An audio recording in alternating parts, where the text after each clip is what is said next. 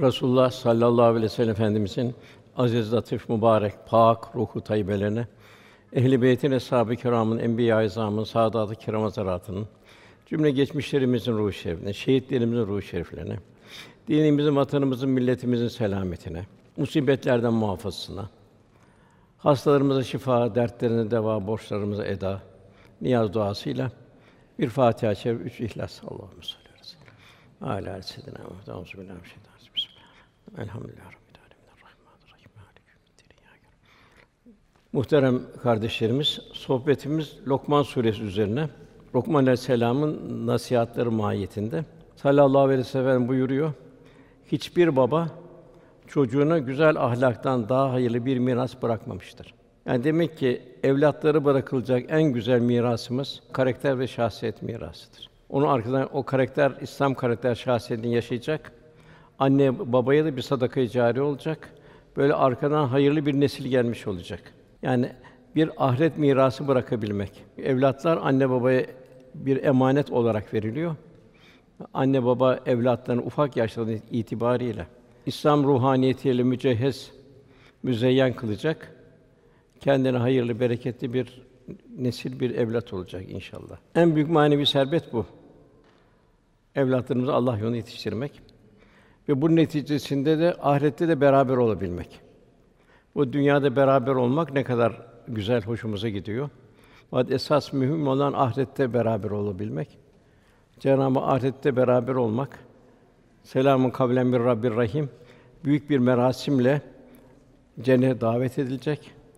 Allah korusun aile fertleri arasında yanlış yolda olanlar varsa onlara ayrı acıklı bir yol gösterilecek. Onlar biri cennet yoluna, öbürü cehennem yoluna. Üçüncü bir yol geriye dönüş telafide yok. Devrimizde, günümüzde biyolojik anne baba olmak kafi gelmiyor. Maalesef evlatlarımız internet, televizyon, moda, reklamlar yetiştiriyor. Nesillerimizin zihni ve gönül dünyaları bizlere yabancılaşıyor. Ayette ifade edildiği üzere şeytan evlatlara ortak oluyor. Bu sebeple günümüzde evlatlara İslam karakter ve şahsiyetini miras bırakabilmek için anne babaların bugünkü durumda çok daha fazla gayret artması lazım. Bugün yine dünya aynı bir cahiliye devrine döndü. 1400 sene evveline gitti. Rabbimiz Kur'an-ı Kerim'de evlat yetiştirme, aileyi irşat hususunda bize Lokman Aleyhisselam'dan misaller veriyor. Bizler de Lokman Aleyhisselam'ın nasihatlerini tefekkür edip yaşamayı ve yaşatmayı Cenab-ı Hak gayret nasip eylesin. Ayet-i kerimede buyuruluyor. Andolsun biz Lokman'a Allah'a şükret diye hikmet verdik. En büyük hikmet şükre ulaşabilmektir. Şükür çok geniş. En mühim şükür elhamdülillah Müslümanız. Dünya bir imtihan mahalli. Cenab-ı Hakk'ın ne büyük bir nimeti. Bir bedel ödemeden meccanen Cenab-ı Müslüman olarak dünyaya getirdi. Yine meccanen en yüksek peygamberi ümmet kıldı. Uzuvlara şükür. Cenab-ı Hak her uzvu niye verdi? Ve bu uzvu nerede kullanıyoruz? Her uzuv iki uçlu bıçak gibi. Zira Cenab-ı Hak gözler konuşacak, kulaklar konuşacak, deriler konuşacak buyuruluyor. Mekanlar konuşacak. Yani hepsi bir dil olacak. Yani yabancı bir şahide bir ihtiyaç olmayacak. Tabi bu gözümüz, kulağımız, bedenimiz, uzuvlarımız sanki tabii gibi geliyor. Eğer alınırsa kıymet ortaya çıkıyor. Mesela ver gözünü, al dünyayı dese kim değişir? Ver kulağını, al dünyayı dese kim değişir? Tabi bunların her birinin bir şükrü icap ediyor, bir teşekkürü. Nedir teşekkürü? Verilen nimeti uzvu Cenab-ı Hakk'ın arzu ettiği şekilde istimal edebilmek, kullanabilmek. En nihayet Cenab-ı Hak buyuruyor, şükreden ancak kendisi için şükretmiş olur. Bu vuslat yolu şükredebilmek. Nankörlük eden bilsin ki Allah hiçbir şeye muhtaç değildir. Müste her şeyi halk eden Cenab-ı Hak en çok da nimet verdiği insan. Diğer mahlukatta bu kadar nimet yok. Ev, bark vesaire şu bu hayvanatta gıdanın her türlüsü yok. Onlar da insan için halk oldu. Bütün mahlukat insan için halk oldu. Nebatat insan için halk oldu bu cihanda. Demek insanın şükrü çok geniş. Cenab-ı Hak İnsan suresinde ister şükret, isterse nankör ol diyor. Yani serbestsin bu dünyada. Şükrün de mukabile, nankörlüğün de Allah korusun mukabile öbür tarafta olacak.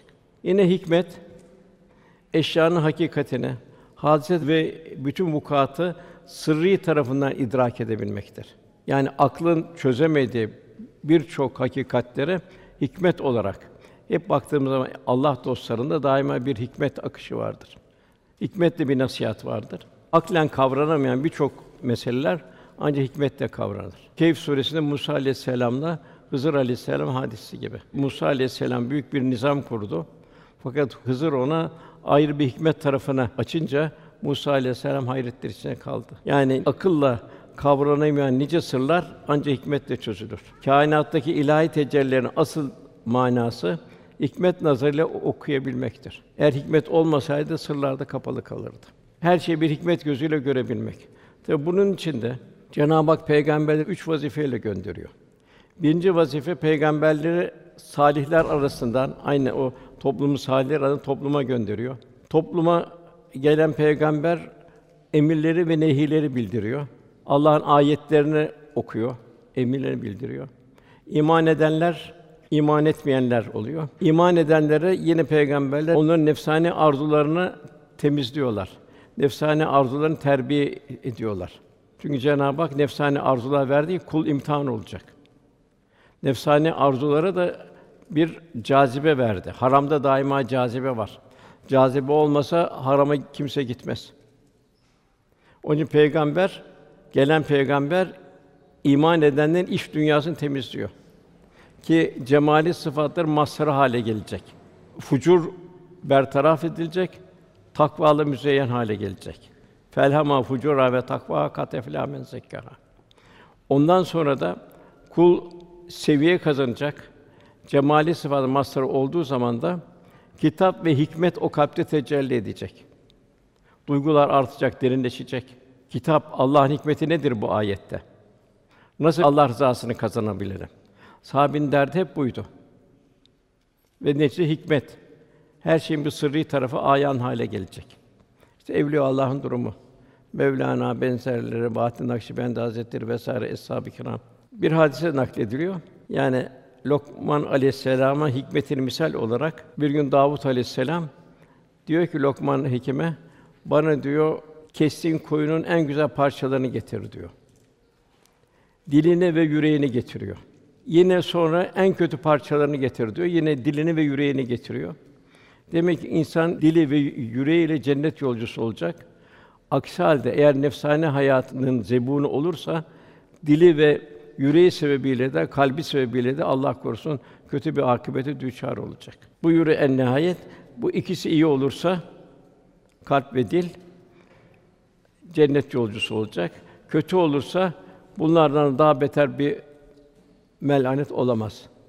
İmam Malik anlatıyor radıyallahu an.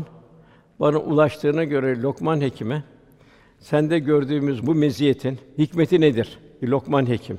Yani hikmet sahibi. Bunun üzerine dört şey bildiriyor. Doğru sözlülük. Hiçbir zaman eğrilmemek, bükülmemek, yamulmamak. Dost doğru olabilmek. İkincisi emaneti yerine getirebilmek. El emin olabilmek. Hep Peygamber Efendimiz vasfı. Kur'an ve sünnet efendimizin emaneti, Allah'ın emaneti. Ne kadar bir ittiba halindeyiz. Seviye kazanabilmek için.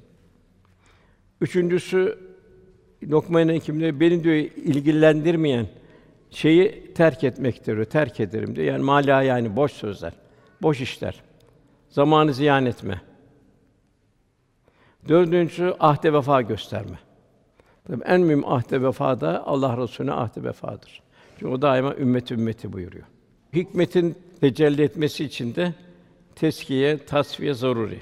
Bunun neticesinde bir şükür meydana gelecek. Allah'ın verdiği bütün nimetleri yine Allah'ın arzu ettiği istikamette kullanabilmek. Müslüman olarak yaşayabilmek en büyük şükürdür. Onun bütün gayret hayatımızın bütün muhtevasında İslam'ı yaşamak ve yaşatmak. Cennete girenler diyecekler ki Araf suresi 43. ayetinde hidayetiyle bizi bu nimete kavuşturan Allah'a hamdolsun. İman nimeti ve cennet nimeti neticesiyle Allah bizi eğer doğru yola il- iletmeseydi kendimizden doğru yolu bulacak değildik diyecekler. Yine girerken de bir şükran, bir teşekkür içinde cennete girecekler. Velhasıl bütün azalarımızı Allah'ın verdiği bütün nimetleri Allah yolunda kullanabilmek, Allah'ın arzu ettiği şekilde kalbimizin Cenab-ı Hak ile olabilmesi en büyük şükürdür. Cenab-ı Ela bizikla tatminül kulub buyuruyor. Kalpler ancak Cenab-ı Hak anmakla huzur bulur. Resulullah sallallahu aleyhi ve sellem Efendimiz Cenab-ı Hakk'a olan niyazlarından biri de şöyledir. Allah'ım beni çok şükreden ve çok sabreden bir kul eyle. Efendimiz seherlerde çok uzun namaz kılardı, ayakları şişerdi. Gözyaşları seccadeyi ıslatırdı. Ayşe validemiz ya Resulallah bu kadar kendini üzme. Allah seni gelecek gelmiş ki her şeyi affetti deyince ya Ayşe şükreden bir kul olmayayım mı? Yani şükrün ucu açık. Nereye gidiyor? Allah'a vasıl olabilme. O vasıl olanda la havfun aleyhim ve la hum yahsunun. Onlar korkmayacaklar, üzülmeyecekler o zor günde. Yani bir kimsenin yapmış olduğu şükürden en çok yine kendisi istifade edecek. Nitekim şükür nimeti ziyadeleştirir. Nimet de kalbe bir huzur verir, bir lezzet verir. Şükrün ehemmiyete bakın ayeti şöyle buyuruyor. Kullarımdan şükreden azdır. Çünkü hayatın bütün muhtevasında şükür olacak. Kullarımdan şükreden azdır buyuruyor Rabbimiz. Hazreti Ömer radıyallahu anh bir mümine rastlamıştı. Mümin kendi kendine bir kenarda oturmuş. Allah'ım beni azlardan eyle diyordu. Hazreti Ömer radıyallahu şaşırdı. Bu ne demek dedi, yaklaştı. Neyi kastettiğini anlayamadı. Niçin böyle dua ediyorsun dedi. O da e, Allah Teala şükreden kullarım azdır. Allah beni şükreden az kulların içine ihsan eylesin. Demek ki şükür en zor. Zaten Fatiha ilk ayet Elhamdülillahi Rabbil Alemin. Hamd bir şükür ifadesi de aynı zamanda. Hatta Hazreti Ömer yazık Ömer'e diyor. Ömer'den daha akıllı kimseler var diyor. Resulullah Efendimiz yine nimetler arasında en mühim şükreden bir kalbe işaret vuruyor. Seban radıyallahu anh anlatıyor. İnfak ayetleri inmeye başladı. Altını ve gümüşü biriktirip de onları Allah yolunda harcamayanları acıklı bir azab ile müjdele. Bu ve benzeri ayetler indiği zaman sahabi dehşete kapıldı. Da bu ayetler çalışacaksın, kazanacaksın, israf etmeyeceksin, pintilik etmeyeceksin, Allah yolunda sarf edeceksin. Sahabi efendimize buyurdular ki: Ya Resulallah biz evet malımızı kazanacağız, edeceğiz. israf etmeyeceğiz, pintilik etmeyeceğiz, Allah yolunda sarf edeceğiz. Peki neyi biriktirelim o zaman? E, malı sarf edeceğiz. Ya uzu sadaka sadakaları Allah alır. Efendimiz şu cevabı verdi. Sahip olan şeylerin en kıymetlisi üç şey saydı. Birinci zikreden bir dil. Dilden yanlış bir kelime çıkmayacak. Ayetler, hadis-i şerifler Cenab-ı Hakk'ı sena etme. İkincisi şükreden bir kalp. Göklerin ve yerin, yerin derinden de tefekkür ederler. Yine Cenab-ı Hak buyur Câsiye 13 göklerde ve yerde ne varsa amade kalıp düşünen bir toplum için. Hep Cenab-ı Hak insanı lütfediyor. Güneş, ay, atmosfer, toprak, mahlukat hepsi insana. Velhasıl şükreden bir kalp. Kalp daim bir ham tane şükür halinde olacak. Üçüncüsü, bugün bu çok mühim. Zevcinin imanına yardım olan salih bir zevce. Demek anne babanın en mühim hizmeti de bu. Bilhassa kız evlatlar olacak ki onlardan nesil meydana geliyor. Yani maalesef işte görüyoruz kız evlatlar sokakların insafına bırakılıyor. Halbuki kız evlatlar Resulullah Efendimiz ayrı bir ehemmiyet veriyor. Bir gün Hasan ve Hüseyin radıyallahu anh ve Fatıma validemiz efendimiz Hasan radıyallahu anh su getiriyor. İkisi de sübyan masum. Fatıma validemiz diyor ki, baba diyor, herhalde diyor, Hasan'ı daha çok seviyorsun diyor. Yok kızım diyor, evlatlar müsavaat yapın, eşitlik yapın, fark gözetmeyin. Yalnız kız evlatlarınız hariç. Onlara ayrı bir itina gösterin. Çünkü nesil onlardan gelecek. Aileler onlardan kuracak.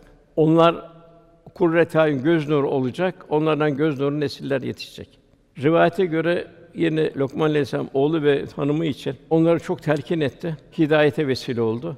Burada da Lokman Aleyhisselam'ın bir merhamet ve, ve nezaketle dolu bir üslubunu görmüş oluyoruz. Yani hanımı ve evladı, çocuğu bu rahmet uslubu karşısında hidayete geldi. Demek evlatlarımız da bu usulde onların hidayeti için, ıslah için onlara rahmet uslubuyla hitap edebilmek. Ondan sonra gelen ayet Lokman oğluna öğüt vererek yavrucuğum Allah'a şirk koşma. Doğru şirk büyük bir zulümdür demişti. Bu ayet-i kerimede nasihatın ehemmiyetini görüyoruz. Yine Nahil 125. ayette Resulüm sen Rabbinin yoluna hikmet ve güzel öğütle davet et ve onlara en güzel şekilde mücadele et buyuruluyor. Cenab-ı Hak burada bize bir tebliğ usul bildiriyor. Yani Kur'an-ı Kerim'de 13 yerde emri bil maruf nehi anil münker geçiyor.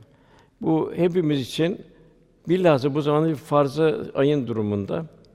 Demek ki bu ayette muhataba göre üst seviye bildiriliyor. Birincisi idrak seviyesi yüksek olanlara hikmetle öğüt ver buyuruyor. Seviyesine göre. Halk ve avam seviyesinde olanlara güzel mev'izalarla onlara öğüt ver buyuruluyor. İtirazcılara da onda güzel bir münazara et buyuruluyor. Cenab-ı Hak Musa aleyhisselam Firavun'a gönderirken kavlen leyyina buyurdu. Bir akarsu gibi onun ruhuna işleyecek şekilde bir konuş buyurdu. Onun için bu emri bil maruf nehi anil münker bugün çok mühim. Neslimizden mesulüz. Toplumdan mesulüz. Yine bir asıl saadetten bir manzara. Bu Tebük seferi vardı. Bu ilk Haçlı seferidir. Buna üç sahabi Hilal, Kâb ve Mürare bunlar bugün yarın bugün yarın derken kafile gitti kaldılar. Bunların ikisi bütün gazvelere katılmıştı. Biri sadece Bedir'e değil, diğerleri hepsine katılmıştı. Resulullah Efendimiz döndükten sonra mazeretlerini sordu. Hiç mazeretimiz yok dedi. Bugün yarın, bugün yarın derken ataletimizden kaçırdık dediler. O zaman efendi buyurdu, Allah'ın gelen ayetini bekleyin buyurdu. 50 küsür gün, 52 gün ayet inmedi. Hatta ayet gelene kadar denildi siz Müslümanlara selam vermeyin, selam almayın denildi. Bir ceza. Tabi iştirak etmediler. En büyük Haçlı seferiydi. Müslümanlar üzerine geleceklerdi. Hatta bu üç sahabe diyor ki sanki de Medine-i Münevvere bizim için bir zindan oldu diyor. Hatta giderdik diyor Allah Resulü'nün mescitte namaz kılar arkasından bir simasına bakardık. Hemen simasını öbür tarafa çevirirdi. Tam 52 gün böyle bir bir hüzün devri geçirdik. Sonra bir bir münadi affolduğunuz diye ayet indi diye bir müjde verdi. O gün diyor Ravza'ya geldik diyor. Allah Resulü'nün siması sevincinden bir ayın 14'ü gibi parlıyordu biz kurtulduk diye. Bunlar bütün gazvelere katılmış, yalnız bir tebiye katılmamış. Bugün için yani emri bil maruf nehi anil münkerin ehm, ehemmiyeti de bu kadar mühim. Evlatlarımızdan bahsediyor. Evlatlarına sahip olacağız. Derece derece toplumun gidişinden kendimizi mesul göreceğiz. Yani onun için hizmetten uzak kalmamak. Yani unutmayalım bugün de Tebük seferi devam ediyor aynı şekilde. İşte küresel güçlerin durumunu görüyoruz. Allah yolunda yaptığımız hizmetleri de hiç göreceğiz. Cenab-ı Hak yakın gelene kadar, son nefese kadar bir kulluk içinde olmamızı Rabbimiz emrediyor. Gönüllerdeki hidayet Allah'tandır. Biz onun icabet saatini bilmediğimiz için her fırsatı ganimet bilmemiz zaruri. Asla bir de ümit kesmeyeceğiz. Ayet-i kerimede Zariyat suresinde yine sen öğüt ver. Çünkü öğüt müminlere fayda verir. Bu bugün de birçok Müslüman kardeş öğüde muhtaç. Ve İslam bilinmiyor. İslam büyük kültürdür. Öyle basit kültür, felsefecilerin ortaya attığı kültürler basit, avam firik bir kültür değildir. 23 sene tamamlanan bir kültürdür. 23 sene tamamlandı. Her inen ayet Allah Resulü tarafından tatbik edildi. Eshab-ı Kiram da büyük bir huzurla, sevinçle, bir lezzetle tatbik etti. İslam kültürü hayatın bütün safı hiçbir safhayı boş bırakmıyor. Yine burada Lokman Aleyhisselam'ın üslubunda bir yumuşaklık görüyoruz. Yavrucum diye hitap ediyor. Demek ki bu tebliğ hususunda bir nezaket yakınlık, muhabbet çok mühim. Yumuşak hitap gönül kilitlerini açar, kalpleri kabule hazırlar. Ondan sonra buyuruyor şirk en büyük bir günah olduğunu bildiriyor. Şirk nedir? Allah'a ortak koşmak. Yani tevhid akidesinin ortaklığa tahammülü yok. Onun için şirkin yeri cehennemdir Allah korusun.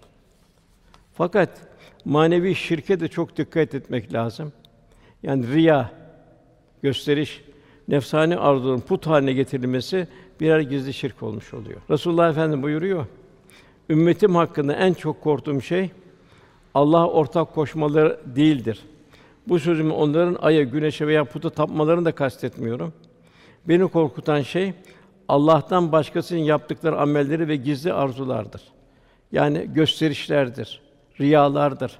Cenab-ı Hak korusun, muhafaza buyursun. Yani riya yapılan amelde mahveder. Ayet-i kerimede buyuruluyor. Ey Resulüm, nefsani arzularını ilah haline getirenleri gördün mü? Sen onlara vekil değilsin diyor Cenab-ı Hak. Bir misal vereyim. Yaptır cami benzeri hayrata henüz hayattayken kendi adını vermek, onunla fahretmek, ben şu kadar cami vesaire yaptım demek. Bunlar Allah korusun tehlikeye götürebilir. Cenab-ı Hak ben istemiyor. Kul daima sen ya Rabbi diyecek. Bu nimeti ihsan eden Cenab-ı Hak. Cenab-ı Hak ihsan etmeseydi, sana o gücü, o aklı, o zekayı, o şeyi, o manevi şey vermeseydi nereden bulacaktın? Nereden yapacaktın? Onun için kul hiçbir zaman arz-ı endam halinde olmayacak, kendini öne çıkartmayacak, kendini methetmeyecek. Bir meziyeti varsa Cenab-ı Hak onun için teşekkür edecek, şükredecek, gayretini arttıracak. Fakat vefat etti. Vefatından sonra evlatları koyabilir o camiye ismini. Niye o babası hayırla anılır? Çünkü artık babası dünyada yok. Babasının fahredeceği bir şey yok. Allah korusun bunlar da işte gizli bir şirk olarak biliniyor. Cenab-ı Kur'an Bağlum bin Bavra'yı bildiriyor. Bu ismi azama mazharda. Kerametleri vardı. Manevi yüksek bir zattı. Allah korusun bir anda nefsine uydu felakete gitti. Cenab-ı Kur'an-ı Kerim'de soluyan bir kelp gibidir buyuruyor. Yani ahmaklaşıyor. Demek ki nefsani hayatı düşar o ahmaklaşıyor. Önündeki muazzam bir istikbali göremiyor. Ayrı bir misal. Mekke'nin fethine den sonra Arap Yarımadası'ndaki bütün kabileler feş feş İslam'a girdi. Cenab-ı Hak bu muzafferiyetin, bu hidayet şeraresinin nefse izafe edilmemesi için Cenab-ı Hak izaca nasullah vel feth büyük bir zafer ve reyten nazit hulen fi dinillahi faca fevç fevç İslam'a geri görürsün buyuruyor. Hemen arkada feseh bi hamde rabbike ve estağfirhu. Rabbine hamd ile tesbih et, bir de istiğfar et. Yani Cenab-ı Hak bu hizmet vakı olacak kusurları bertaraf ederek sana bu nimeti verdi. Efendimiz çok iyi kazdı bunu. O Mekke fethine girerken Efendimiz devenin üzerinde secde halindeydi. Sakalı devenin sırtına değiyordu neredeyse. Etrafındakilere bir zafer vesaire biz kazandık, biz şey olsun. Öyle bir fahre kapılmamalı için Allahümme la ayşe illa ayşül ahire. Ey Allah'ım esas hayat ahiret hayatıdır. Yani bu zaferi ihsan eden sensin. Bu şekilde e, efendimiz buyuruyordu. Velhasıl hayır hasenat sahibi olacağız. Hayır hasenat kulu Cenab-ı Hak yaklaştırır. Malı veren Cenab-ı Hak, Cenab-ı Hak yolunda o malı feda edebilmek. Cenab-ı Hak bir rahatlatun kumatubun imanını test ediyor. Sevdiklerine vermedikçe Allah'a yaklaşamazsınız buyuruyor. Bu çok mühim. Bunu da ben olmayacak ya Rabbi sen ol. Hep sahibi de bunu görüyoruz. Tasavvufta enaniyetin ve belliğin bertaraf edilmesi zaruri. Enaniyetle Cenab-ı Hakk'a vasıl olmak mümkün değil. Bunun için nefsi terbiye eden nice mücadele usulleri tatbik edilmiştir. Mesela İbrahim Ethem Hazretleri'ne tacı tahtı terk ettirilmiştir. Ta zirvedeyken hepsini bitiriyor. Aziz Muhammed Hüdayi kadılıkta zirvedeyken kaftanıyla çarşılara ciğer sattırılmıştır. Yunus Emre Hazretleri'ne eşikte terbiye edildi. Halde Bağdadi güneşlerin güneşi çok yüksek bir alim seviyesindeyken tuvalet temizlettirildi. Avamın girip çıktığı tuvalet temizlettirildi. Bahattin Nakşibendi Hazretleri yedi sene hasta cerahatli hayvanları, hasta insanları ve yolları temizledi. Ve en çok dereceyi de burada aldım buyuruyor. Velhasıl en mühim insanın problemi enaniyet ben şeriatın muhtevasında hayatını yaşayacak, ene olmayacak. Men arefe nefse fakat arefe Rabbe. Kendi hiçliğini bilecek, hiç sermayeli dünyaya geldik. Bir meziyetli, bir bedel öderek gelmedik. Cenab-ı Hak İslamiyet nasip etti. En büyük peygamber sayısı nimetler. Demek ki ene ben olmayacak, beni iptal damgası bulacak. Ya Rabbi ent de sen ya Rabbi denecek. O için hep evliya Allah böyle bir imtihandan geçiriliyor. İkinci merhamede nah ne olacak? Yani kul mümin içtimaileşecek. Biz o da İyyâke na'budu ve İyyâke nestaîn olacak. Ya Rabbi ancak sana kulluk yaparız, ancak senden yardım bekleriz. Kendisini bütün insanlardan, mahlukattan, nebatattan mesul görecek. Efendimiz bir köle üç günlük üç nafakasını, üç ekmek nafakasını bir köpekle paylaşıyordu. Bu açtır bana zimmetli diyordu. Yani hassas rakip bir kalp istiyor İslam. Üçüncüsü tabi bu terfi. Ondan sonra entel hak. Ya Rabbi hu. Ya Rabbi Cenab-ı Hakk'a vasıl olabilmek, bu amelleri, bu salih amelleri arttırabilmek. Ebu Bekir radıyallahu anh Efendimiz Allah dostları mizaçlarına göre üst sınıftır. Yani üçü de Allah dostudur ama mizaçları farklıdır. Ebu Bekir Efendi bildiriyor. Her üst sınıfın üçer alameti vardır buyuruyor. Birinci sınıf hak dostları havf, korku halinde bulunan hak dostlarıdır.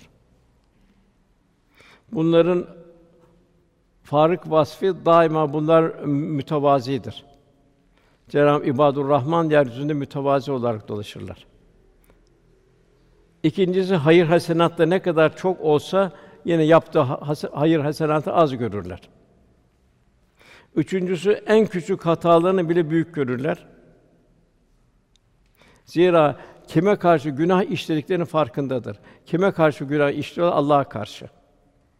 Demek ki bir kategorideki evliya Allah'ın durumu tabi bize hepsinden bir ders almamız lazım. Birinci mütevazi. İkinci hayır hasenatta yaptığını az görecek hizmette. Üçüncüsü de en küçük hatalarını bile büyük görecek ki bu hatalar Cenab-ı Hakk'a karşı bir isyan mahiyetinde olduğunu görüyor. İkinci sınıf hak dostları bu da reca sahibi olanlar, ümit. Bir kul beynel havf ve reca arasında olacak. Bu ikincisi de ümit halinde olanlar. O tip evliyalar. Bunlar her hal ve hareketlerinde insanlara fazilet ve güzellik sergileyerek güzel örnek olurlar. Halleriyle, kâleyler örnek olurlar bu evliyalar.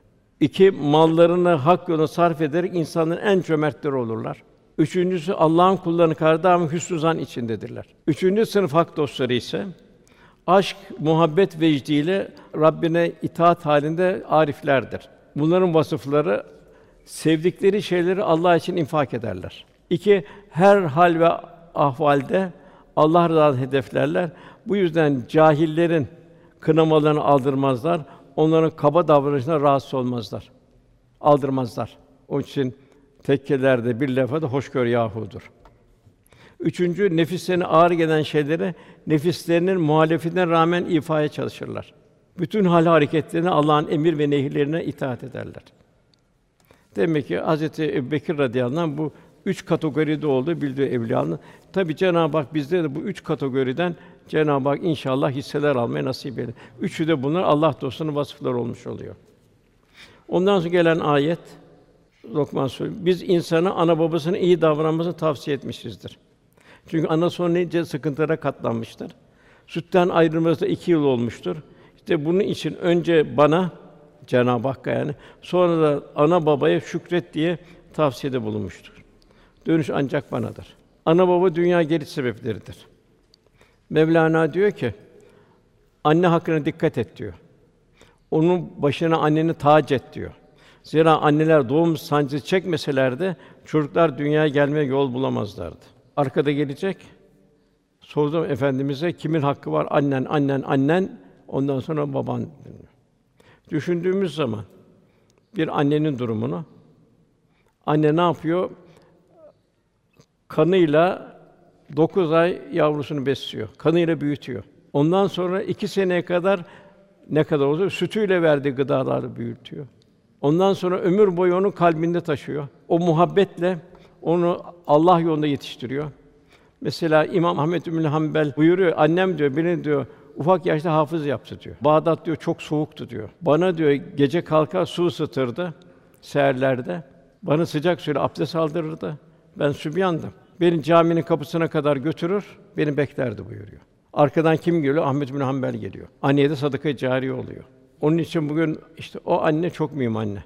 Yani Resulullah Efendimiz kız çocuklarına itina edin buyuruyor. Bunları Allah yolunda yetiştirme, Kur'an ahlakı üzerine yetiştirme. En merhametli anne baba yavrusunu bir Kur'an tahsilinden geçirendir. O Kur'an tahsilini basit gören anne babaya da yazıklar olsun. O kolay diyor. Hadi üç tane sure ezber, o, o da hurufat birbirine karışıyor. Kâfi olarak görüyor. İsra suresinde de Cenab-ı Rabbin sadece kendisine kulluk etmeniz. Birini Rabbe kulluk. İşte anne babanıza iyi davranmayı kesin bir şekilde emretti. Onlardan biri veya ikisi seninle yaşanırsa kendini üffin, sakın ha üf deme buyuruyor. Çünkü artık zihni melekeler azalıyor, yaşlanmış. Çocuklaşma başlıyor. Nünekküsü vilhalk yaratış tersine dönüyor. Sakın onları azarlama diyor. İkisine de kavlen kerima, ikramkar sözler söyle buyuruyor. Bu da bize farz ayın. Fakat tabi burada ilk Cenab-ı Hak olacak. Velhâsıl bu annen, annen, annen, sonra baban, bu da annenin fedakârlığını gösteriyor. Yani bunu salih anneler ömürlük bir teşekküre ve dualara layık. Tersine olan annelerden de kıyamet günü evlatları davacı olacak. Ya Rabbi beni emanet olarak verdin anneme, o da beni ihmal etti. Sokakların vicdanını bıraktı. Baba içinde şöyle buyuruyor. Baba efendim buyuruyor. Cennetin orta kapısındadır baba. Yine buyuruyor efendimiz makbul olduğundan şüphe bulunmayan üç dua vardır. Bunların birisi mazlumun duası. Allah bunun bedduası da mazlumun çok fici. Birinci mazlumun duası, reddolmayan bir dua. İkinci misafirin duası. Üçüncüsü babanın evladına duası. Böyle babanın evladına duası peygamber duası gibidir buyuruluyor. Günümüz heyhat diyeceğiz. Cahiliyenin arttığı devrimizde kadınlar annelikten soğutuluyor ve annelikten uzaklaştırılıyor. Cahiliyede kız çocukları diri diri gömülüyordu. Bugün de kürtaj kasaplığı var. Evlatlar ana rahmindeyken kendi bedeninden olan o evladını par paramparça kestiriyor. Niye? Rahatı bozulacak. Türlü bahanelerle çocuklar bertaraf edilecek. Bugün Avrupa tamamen öyle maalesef. Demek nüfus aşağı doğru gidiyor. Demek ki bunlar bu, bu tip haller vicdanların kuruduğunu, merhametin kalplerden söküldüğünü alametidir. Hal bak mahlukata baktığın bir kedi köpek bile yavrusunun karşısında merhamet dolu. Günümüzün hayatı insanı gaddarlaştırır, egoist, pragmatist, hodgam hale getirdi maalesef. Yalnız kendini düşünüyor.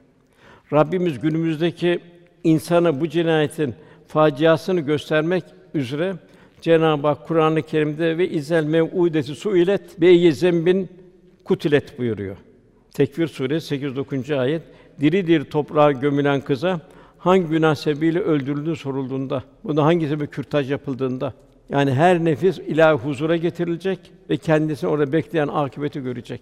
Aynı vicdansızlığın yansıması şeklinde de evlatları yaşlandıkları zaman anne babalarına ehemmiyet vermiyorlar. Onları bakım evine gönderiyor, kendi haline bırakıyorlar.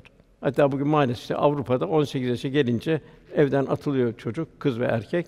Kendi halinde yaşıyor. Bugün de maalesef diyorlar bilmiyorum ben e, bu burada da 18 yaşta 20 yaşa gelince ayrı ayrı bir eve geçiyor. Yani o anne babanın duygularından tamamen çıkıyor. Bunlar facialardır. Yani vicdan olan bir evlat düşünecek ki bakımı muhtaç olan bir anne baba belki de evlat için bir ahiret sermayesi olacak. Duasını alacak. Ana babanın bastonu olacak o evlat ve sadaka-i cari olacak aynı zamanda. İslam'ın ilk yıllarında baktığımız zaman ilk başta Allah'a itaat, ondan sonra anne babaya itaat oluyor. Bu anne babaya itaat. Allah'a olan itaati uymuyorsa o tercih edilmez. Bu İslam'ın ilk yılında Allah Resulü'nün davetine yeni hidayet eren aileler var. Bunların bir kısmı müşrikti, bir kısmı Müslümandı. Mesela Sa'd bin Ebi Vakkas 17 18 yaşındaydı. İslam İslamiyeti kabul etti. Annesi dedi ki yine putperestliğe döneceksin dedi. Eğer dönmezsen seninle konuşmam dedi, yemek yemem dedi. Anne dedi, baştan de ben Allah'ın emrini dedi, tatbik ederim dedi. Annesi de mecbur oldu yemek yemeye sonra. Yine Musab bin Umeyr, Uhud şehidi. Bu da çok zengin bir ailenin çocuğuydu. Seni de mirastan men ederiz dediler. Şöyle yaparız, böyle yaparız dediler. Hepsini Allah Resulü'nün yanında kalmayı kabul etti. Hatta Ömer radıyallahu anh baktım diyor, o diyor onun Mekke'deki o zengini, o şaşası diyor. Onun gezdiği yollar diyor, kızlar diyor çiçek atarlardı diyor. Onun ıı, sürdüğü kokular diyor meşhur olurdu diyor. Fakat diyor baktım ya Ravza diyor Allah Resulü'nün yanında diyor yamalı bir ceketle oturuyordu diyor. Onun bu halini gördüm mü gözlerim doldu diyor. Nasıl dünya bir tarafı itti, Allah Resulü'nün yanında oldu. Uhud'da da şehit olduğu zaman efendimizin önündeydi, efendimizi koruyordu. Öyle bir yaklaştı ki efendimiz de öne geç Musab dedi. Döndü baktı Musab'ın şehit olduğunu, meleğin Musab'ın seni temessül ettiğini gördü. Velhâsıl fedakârlıklar karşısında büyük mükafatlar vardır. Onun için itaat Allah'a, ondan sonra anne baba da Allah yolundaysa anne babaya.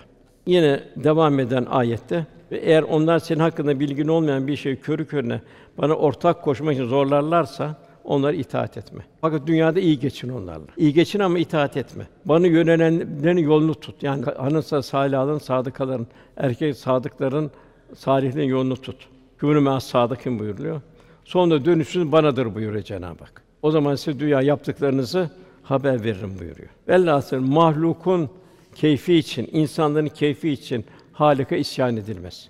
Edilirse sonu bir facia olur.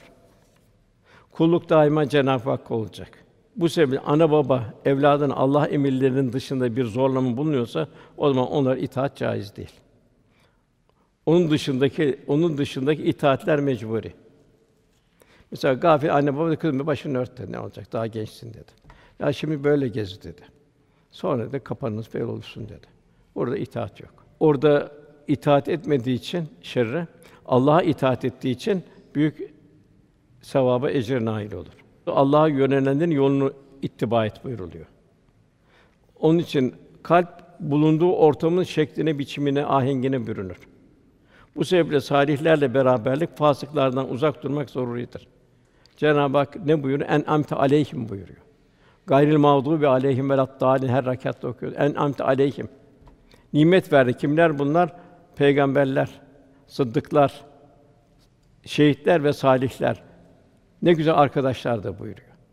Onların dünyalarında olabilmek, onların hal ruhu içince onlar gayri mağdub aleyhim dalin dalaletliklerin sapıklardan uzakta kalmak. Onun için efendim buyuruyor müşriklerin ateşleriyle, onlar ışığıyla aydınlanmayın buyuruyor. İnikas gelir. Yine Lokman ona şu tavsiyelerde bulunuyor. Yavrucuğum salih alim kimselerle beraber ol. Alim ama salih alim kimse beraber ol. Onun sohbetinden ayrılmamaya çalış. Zira Allah Teala yağmurla toprağı canlandırdığı gibi hikmet nuruyla da kalpleri canlandırır.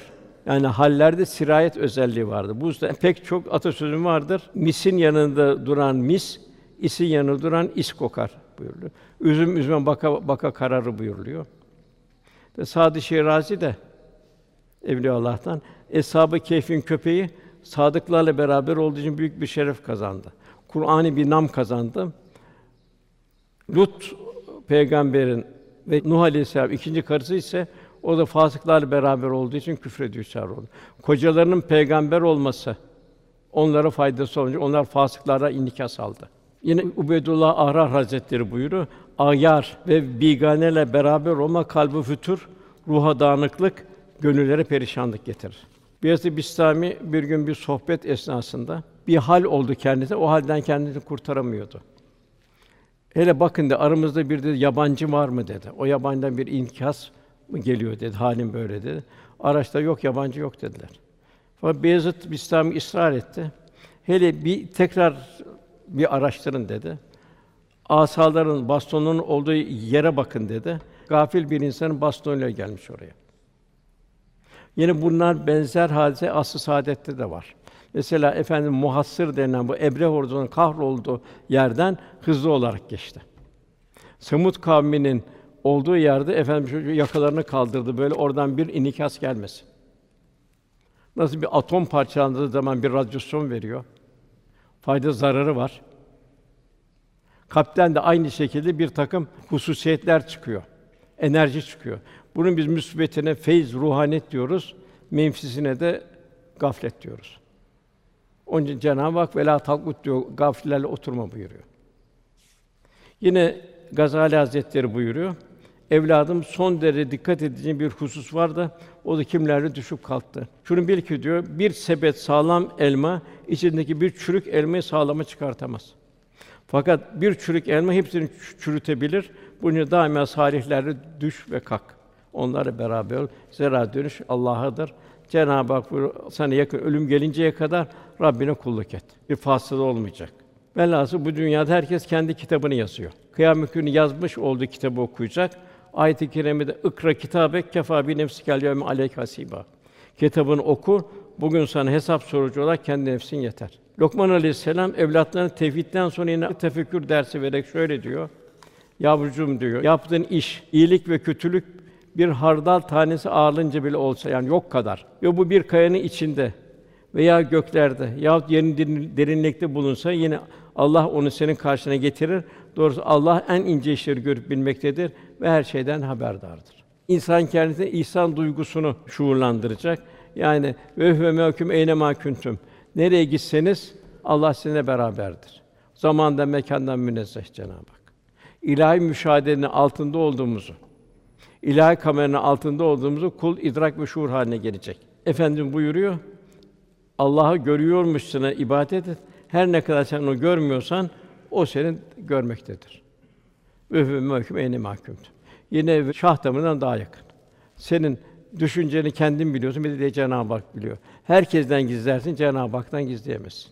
Yine Lokman Aleyhisselam evlad semavat ve arzı tefekkür ederek evladını gezdirir dolaştırır. Yani Cenab-ı Hak insan az bir ilim verdik buyuruyor. Bu az ilmin vermesi sebebi nedir? Cenab-ı Hakk'ın azameti ilahiyesini idrak edebilmek. Yani dünya mektebi, fizik, kimya, matematik, say say bütün ilimleri hepsi buna bir tefekküre götürmesi lazım. Hepsinde bir hikmet var. İlahi azamet, ilahi kudret akışlara. Daima kul eserden müessire, sebepten müessire, sanattan sanatkar idrak edecek. Aman ya Rabbi diyecek. Bu ahiret mektebinde bir sermaye olacak buna. Eğer yok gafletle okunuyorsa Allah korusun o zaman e, ziyanlıktan başka bir şey değil. Zerreler tartılacak yok kadar şeyler. Yani zerre terazisi nerede de kuyumcudadır. Kantar yoktur. Amellerimiz de o zaman zerre terazilerle tartılacak. Yine Bilal bin Sa'd radıyallahu anh şöyle diyor. Günahın küçüklüğüne bakma diyor. Bu günah küçüktür diye. Kime karşı işlediğine bak diyor. Kime Allah'a karşı işliyorsun. Onun için bu sevaplar Allah için yapılan ecirler çok mühim. Eshab-ı Rakim geçiyor Kehf suresinde. Üç arkada bir yerden bir yere giderken gece vakti bir mağaraya sığınıyorlar. Gece mağaradan bir taş düşüyor, kapatıyor mağarayı. Fakat o kayanın sıkleti üçünün gücünün daha ötesinde.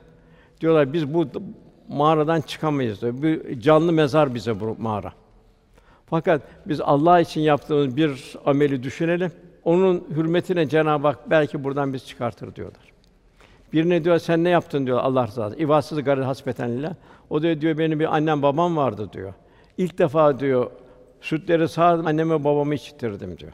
Bir gün de onlar uyuyorlardı. Ta uzun vakit bekledim. Uyandılar. Onlar için ondan çok çocuğuma götürdüm. Daima annem babamı ön planda görürdüm. Biraz açılıyor fakat bir kişinin çıkacağı şekilde değil. İkinciye soruyor, sen ne yaptın? O diyor, benim diyor, teyzemin, halamın bir kızı vardı diyor. Onu hayat boyunca elde etmeye çalıştım, bir türlü elde edemedim. Bir gün kıtlık oldu, geldi. Açız dedi biz. Allah ver dedi. Benim tam beklediğim andı. İstediğin kadar vereyim, sen benim arzumu biliyorsun dedim dedi. Kızdı gitti. Sonra döndü geldi. Evet dedi. Mecburum dedi. Kabul ediyorum dedi. Fakat sen bir tek şey tavsiye ediyorum. Allah'tan kork. Benim hayatımı beklediğim anda o an tüylerimi Allah'tan korktum. Al alacağını git dedim ve onu gönderdim, serbest bıraktım. Günaha girmekten kendimi de onda kurtardım dedi. Biraz daha açılıyor fakat bir kişinin daha çıkacağı değil. Üçüncü sen ne yaptın diyorlar. O da diyor ki ben diyor bir işçi vardı, geldi yanımda çalıştı. Sonra gitti. Dedim bu zamanla gelir, benden bunu ister. Ben bunu Allah rızası için bu, bu üreteyim. Geldiği zaman hiç yok biraz eline fazla bir şey geçsin. Hayvan al, koyun aldım diyor, ürettim diyor. Bir müddet sonra geldi diyor. Geldi ben sende az bir şey çalışmıştım. Onun karşılığını almaya geldim. Koyunları gösterdim, al dedim.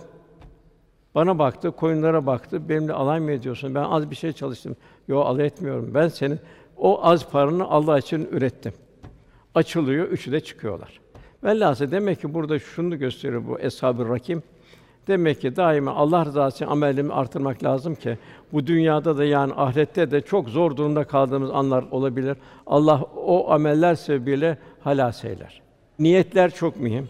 Yine buyruluyor hadis-i şerifte. Bir gece vakti bir kişi bugün bu gece ben bir sadaka vereceğim dedi. Tuttu, birisini gördü, ona bir sadaka verdi. İkinci gün yine bu, bugün ben bir sadaka vereceğim dedi. Yine birisini gördü, karar ona bir sadaka yapıştırdı. Üçüncü gün aynı. Rüyasında dediler ki sen birinci gün bir hırsıza sadaka verdin. Verilmeyecek kimse. Bak niyet temiz. O senin niyetiyle hırsızdan kurtuldu. İkinci gün fahişeye bir sadaka verdi. O da iffete döndü. Üçüncü gün bir zengine sadaka veren pintiydi. O da cömertliğe döndü. Çünkü burada niyetlerimiz de çok mühim. Yani halis niyetler büyük bir berekete nail olur. Bunun misalleri de çok. Bugünkü duruma yavrucuğum namazını kıl. Bir babanın en mühim annenin, babanın evladının için namazını kıl. 99 yerde namaz geçiyor. Namaz namaz bir fıkhi tarafıyla kılınır, bir de huşu tarafıyla kılınacak. Huşu tarafında kıldığı zaman fahşadan, münkerden verilecek bir terfiye doğru gidecek. Secde et ve yaklaş buyuruyor Cenab-ı. Ona iyiliği emret, kötülükten vazgeçirmeye çalış. Bu da 11 yerde geçiyor. Emri bil maruf nehi anil münker.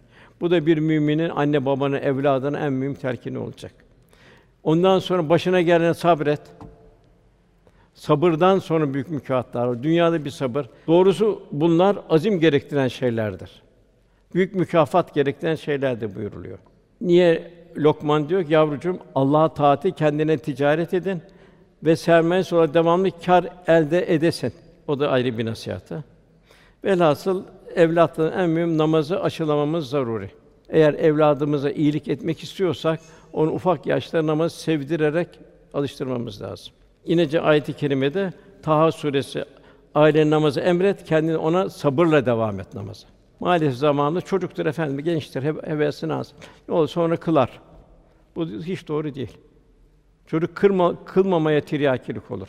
Unutmayın nefis doymaz. Hevesini almaz. Bilakis tiryaki olur, bir daha bırakmaz. Onun için bu seher vakitinde efendimiz o ilk zamanlarda daima gelirdi. Ali radıyallahu anh ve Fatıma validemiz seher vakti kaldırırdı. Bugün en mühim evlada Kur'an eğitimini vermektir. Aman bir sene Kur'an kursuna gidince ben camiye bir iki ay gönderirim olur? Yok öyle olmaz. O kadar basit değil. Onu öğretin Allah'ın kelamıdır. Sen eğer Allah'ın kelamını basite alırsan çok sen de birçok şeyde basite düşersin. Yani Kur'an-ı Kerim eğitimi evlatta küçük yaşta itina ile verilecek. Yani çocuğun kulak Kur'an sedalarıyla dolmalı. Kalbi Kur'an dünyasına aşina olmalı. Resulullah Efendimiz buyuruyor. Allah Resulü buyuruyor. Kim Kur'an'ı küçük yaşlarda öğrenirse Kur'an onun etine ve kanına girer. Yani Kur'an'ın feyziyle nurlanır buyuruluyor. Yine bu tebliğde tebliğ hususunda güzel bir misal var. Sami Efendi Hazretleri bir merasimde damada bir yüzük takılacak. Bunu üstadın takmasını istiyorlar. Sami Efendi Hazretleri bakıyor ki tepside altın bir yüzük var. Hiç kimseye bir şey demeden kendi yüzüğünü parmağından çıkartıyor. Damadın parmağına takıyor. Bunu diyor bugün hatırası şeklinde kabul edin diyor. Ne nasıl bir bir nezaketi bir tebliğ. Yine buyuruyor, ey iman eden sabır ve namaz ile Allah'tan yardım isteyin. Firavun'un şerrinden Sare validemiz bir namazla kurtuldu. Tecavüz etmeye kalkıyordu. İki rekat namaz kıldı. Eli titreyerek geldi Firavun aman dedi gönderin bu kadını dedi. Beni dedi felç edecek dedi. Sihir mi vardı ne vardı dedi. Mevlana Hazretleri de iptilalarla, sabırlarla tahammül göstermenin insana kazandığı kemal ifade edildi. Gülün dikine katlanması onu güzel kokulu yaptı. Bak diyor gül diyor sapında dikenler var diyor. Gül diyor çiçeklerin şahıdır diyor. Fakat diyor sapına bak dik, bu diyor dikenlere katlanınca o gül gül oldu diyor. Zira gül dikene tahammülü sayesinde terbiye ve teskiye olur. Yine Esad Erbili Hazretleri de dünyevi ızdırapların kişiye nasıl bir saadet kazandırdığını şu sözleriyle ifade buyuruyor. Aşk gülistanın yolunda dikenden korkulmaz. Ben her dikenin üstünden yüzlerce gonca toplarım. Dervişlik bostanında ızdıraptan zevk alırım. Yastığımı dikenden yaparsam rüyamda gülü görürüm. Tabi peygamberlere baktığımızda hep böyle iptilalar, problemler. Hazreti Mevlana da buyuruyor ki belalardan çoğu diyor peygamberlere gelir diyor. Çünkü diyor ham adamları diyor yola getirmek zaten başlı başına bir bir beladır diyor. Ondan sonra gelen ayet küçümseyerek insanların yüz çevirme. Yeryüzünde böbürlenerek yürüme. Demek ibadullah istihkar etmek en büyük günah. Cenab-ı veylü liküllü mezetin lümeze bu. Yazıklar olsun hepsine buyuruyor. Küçük görüyor, kaç göz işareti yapıyor, alay ediyor. Bu Allah'ın çok çirkin gördüğü bir hadis. Yani orada sen Cenab-ı Hakk'ı mı ayıplıyorsun? Onu liküllü mezetin yazıklar olsun buyuruyor. Burada ayette de küçümseyerek insana yüz çevirme, yeryüzünde böbürlenerek de dolaşma. Zira Allah kendi beğenmiş, övünüp duran kimseyi asla sevmez.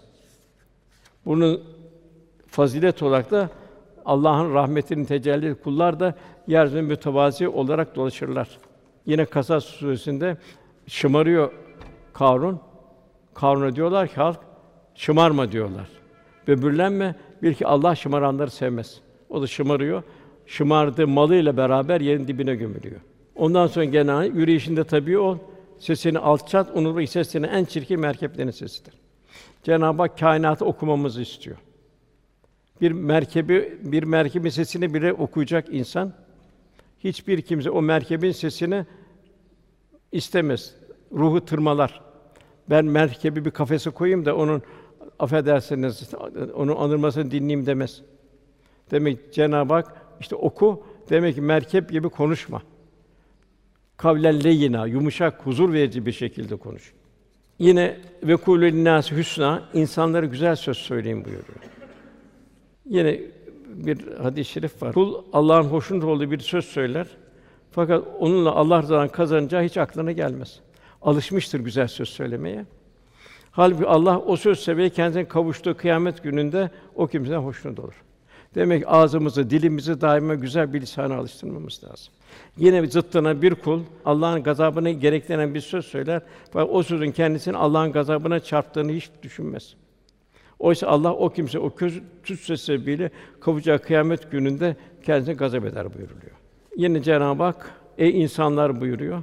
Sizin yaratılmanız, diriltmeniz ancak bir tek insanın yaratılması diriltmesi gibidir. Yani Cenab-ı Hak için bu kadar milyarlarca insanın kıyam diriltmesi bir insanın diriltmesi gibidir buyuruyor. Kün feyekün. Ondan sonra bir ayet daha var. Ey insanlar, Rabbine karşı gelmekten sakının. Ne babanın evladı ne de evladının babası namı bir şey ödemeyeceği günden o kıyamet günden çekinin. Dünyada baba, anne birbirine fayda o bitti artık orada yok. Bilin ki Allah'ın verdiği söz gerçektir. Sakın dünya hayatı aldatmasın. Allah'ın affını güvenderek şeytan sizi kandırmasın. Çok insanda Allah gafur rahim der. Evet, amenna ve saddakna. Fakat bu Allah yolunu bulunacaksın. Tövbeden nasuha olacaksın. Ameli salih sahibi olacaksın. Cenab-ı Hakk'a iltica edeceksin. Ondan sonra burada mugayyibat-ı hamse var. Beş şey var bilinmeyen. Başka yerlerde var. Burada beş şey var. Bu beş şey ancak Cenab-ı Hak bilir. Kul aciz. Bir yağmuru o yağdırır buyuruyor. Yani Cenab-ı birçok şeyleri periyoda bağlamıştır. Güneş, ay vesaire, atmosfer, bunlar azot, oksijen, güneşin doğması, batması vesaire saniye şaşmaz. Bu periyot gider. İnsan da bunun farkında var mı? Tabii bu her an bir mucize onu. Gafil. Fakat yağmuru Cenab-ı periyoda bağlamamıştır. Zaman zaman yağar, zaman zaman yağdırmaz Cenab-ı Hak. Fakat insan görür ki havada bir bulut, bir e, kapsı bir bir şey dolaşıyor, Akdeniz dolaşıyor. Ya akla sokuyorsun yarımı dolaşıyor. Cenab-ı onu dilediği yere yağdırıyor, dilediği yere yağdırmıyor. Yeni insan düşünecek bu yağmur nasıl meydana geliyor? Nasıl o pis sular, iyi sular deniz suları tebahür ediyor. Yukarı tertemiz temizleniyor, rahmet olarak akıyor. Yine dünyada kirlerini hayvandan, insandan, her şeyden yine ediyor, yine temizleniyor, tekrar şey yapıyor. Cenab-ı Hak dilese de denizleri de okyanusları yağmur suyu gibi yapardı. Bak yağmur deniz suyunu içemiyorsun. Deniz suyu olsa bir tarlanın yanında, kuraklık varsa orada istifade edemiyorsun. Demek ki Cenab-ı Hakk'ın daima azametini tefekkür edeceksin. Cenab-ı Hak yağmuru o yağdırır buyuruyor. İkincisi rahimlerde olanı o bilir. Ma buyuruyor. Yani rahimlerde olanı. Doğan bir çocuk ne olacak? Sait mi olacak, şakim mi olacak? Hayatı nasıl olacak? Ömrü nasıl olacak? Hayatın istikameti ne, ne şekilde olacak? Ne ana bilir, ne baba bilir, ne de kendisini bilir. La gaybe illallah yalnız Cenab-ı Hak bilir. Bütün mahlukat öyle. İnsan da öyle, hayvanat da öyle, nebatat da öyle. Üçüncüsü hiç kimse yarın ne kazanacağını bilmez. La gaybe illallah. Gaybi yalnız Cenab-ı Hak bilir. Cenab-ı Hak verir, imtihan olur. Vermez, imtihan olur. Kul verir, hayra kullanır, ecrına. Vermez, pintilik eder, şerre şey olur. Hiçbir kimse nerede öleceğini de bilmez. Onun için her an ölüme hazırlanmamız lazım. Şüphesiz Allah her şeyi bilendir, her şeyden haberdardır. Kul bunu idrak içinde olacak. Yine Lokman Aleyhisselam bir hikmetli söz, namazdayken kalbini, insanlar arasındaki dilini, sofrada eline, başsız evinde gözünü muhafaza et. İki şeyi daima hatırla, Allah'ı hatırla, ölümü hatırla. İki şeyi de unut. Sana yapılan fenalıkları unut. Yaptığın hayır iyilikleri unut. Sana bir arz endam haline getirmesin. Bu tabi bu büyüklerin nasihatları da çok ibretli, ilahi bir takım mesajlar. Çünkü onlar menşer Resulullah Efendimizden geliyor. Onlar o büyük zatlar, evliya Allah, Resulullah Efendimizin zamana yalımız zirveleridir. Onların nasihatlarından, hallerinden e, ders almayı Cenab-ı Hak cümlemize ihsan ikram buyursun inşallah. Hazreti İbrahim Aleyhisselam'a ölüm meleği geldi. Tabi İbrahim Aleyhisselam Ebul Enbiya çok büyük peygamber. Ezrail geldi.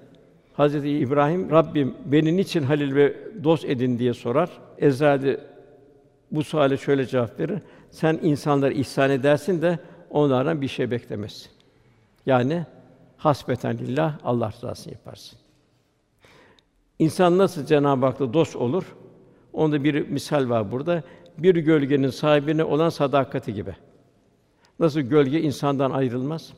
Resulullah sallallahu aleyhi ve sellem takip edecek, İslam'ı yaşayacak, yaşatacak, hâle kal tebliğ edecek, İslam hayatı hiçbir nokta unutmayacak. Bu şekilde bir Resulullah Efendimiz'de bir dost olma olmuş oluyor. Tabi bu Resulullah'a dost olmak da Cenab-ı Hak'la dost olmak olmuş oluyor. Cenab-ı cümlemize nasip eylesin. Ee, El mermü men ahabbe. İnşallah o zor günde, kıyamet gününde hayatımızda inşallah hal hareket yaşayışımızda, halimizde, halimizde Resulullah sallallahu aleyhi ve sellem'imizin halinden Cenab-ı Hak hisseler nasip eyler. O zor günde Cenab-ı Hak beraber olmayı cümlemize nasip eyler. Duamızın kabulü niyazı lillahi teala Fatiha. Ve sellem.